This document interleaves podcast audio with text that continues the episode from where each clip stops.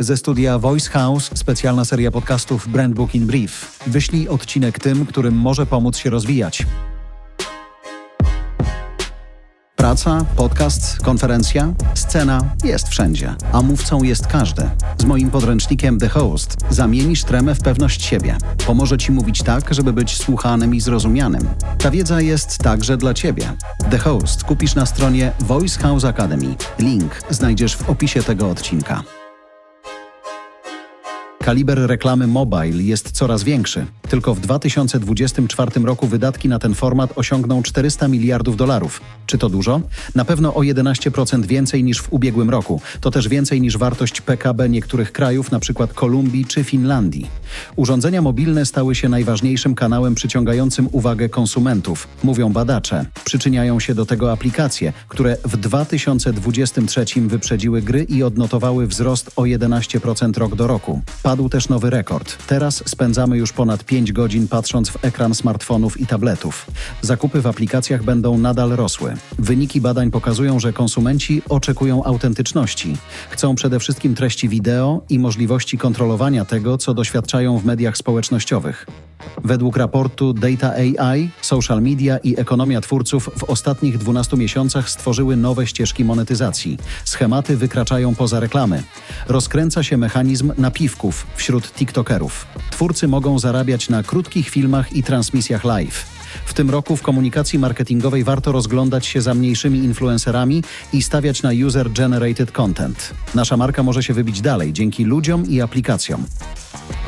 OpenAI zaprasza do sklepu z GPT-sami. Do koszyka możemy wrzucić wyszkolone boty opracowane przez partnerów firmy, jak i zwykłych użytkowników. Subskrybenci płatnej wersji czata GPT na wirtualnej półce mogą wybierać spośród wielu popularnych asystentów AI. Wyszkolone GPT-sy mogą nam pomóc w analizach finansowych, kampaniach marketingowych, ale także w uczeniu się języka czy odchudzaniu. W sklepie OpenAI mamy kategorie, takie jak styl życia, pisanie, badania, programowanie i edukacja.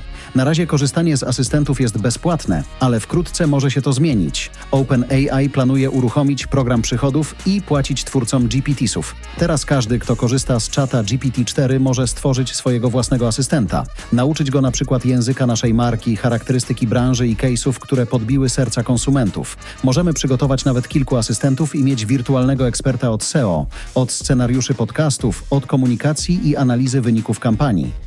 Daj znać w ankiecie do tego odcinka, czy korzystasz już z tego rozwiązania. W komunikacji polskich marek przyszła moda na średniowiecze. To pokłosie popularności komediowego serialu 1670 na Netflixie. Sarmacki kontusz spodobał się Impostowi i Pasi Busowi, którzy publikują posty w stylu średniowiecznych ikon. Satyryczny fanpage, tajne stowarzyszenie jawnych przeciwników barokizowania budowli gotyckich udostępnił logotypy znanych marek i aplikacji w średniowiecznym wydaniu. Od premiery filmu Chłopi w mediach coraz intensywniej przebija się słowiańskość i współczesny folklor. Na TikToku wybił się trend, w którym dziewczyny pokazywały swoje słowiańskie nosy. Nieidealne, ale udowadniające ich geny. Generacja Z nie wstydzi się swoich korzeni. To dobry czas na połączenie miejskiego stylu z wsi spokojna, wsi wesoła.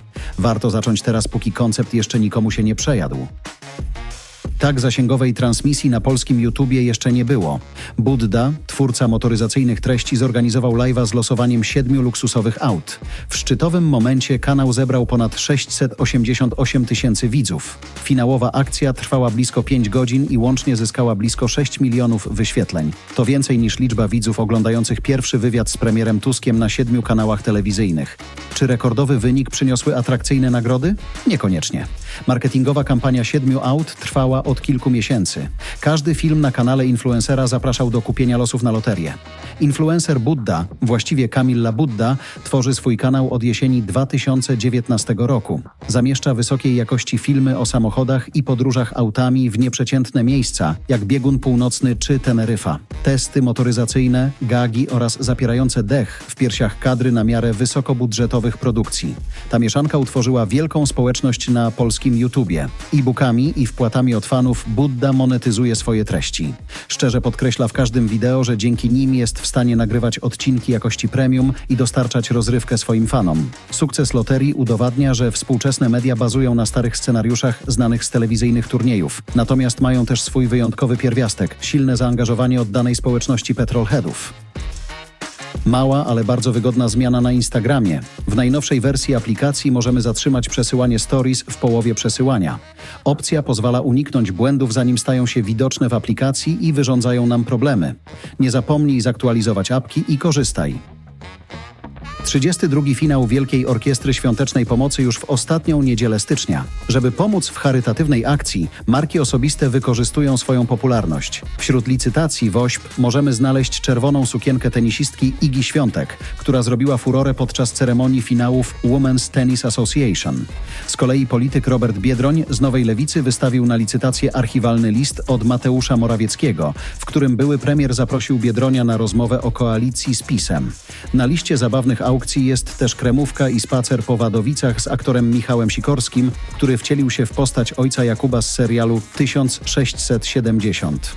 Już od 24 lat można wspierać orkiestrę, wystawiając najróżniejsze przedmioty na aukcję Allegro. Dołączyć może każdy. My zapraszamy do licytacji The Host, podręcznika skutecznego mówienia do ludzi i wizyty w naszym studio podcastowym Voice House. To był Brand Book in Brief od Voice House i agencji Kuźniar Media. Źródła informacji znajdziesz w opisie odcinka podcastu i na stronie voicehouse.co. Kierownictwo produkcji Olga Michałowska. Redakcja Dominika Wołk. Realizacja i dystrybucja Kasia Harbar. Dźwięk Kamil Sołdacki. Redaktor naczelny Voice House Jarosław Kuźniar.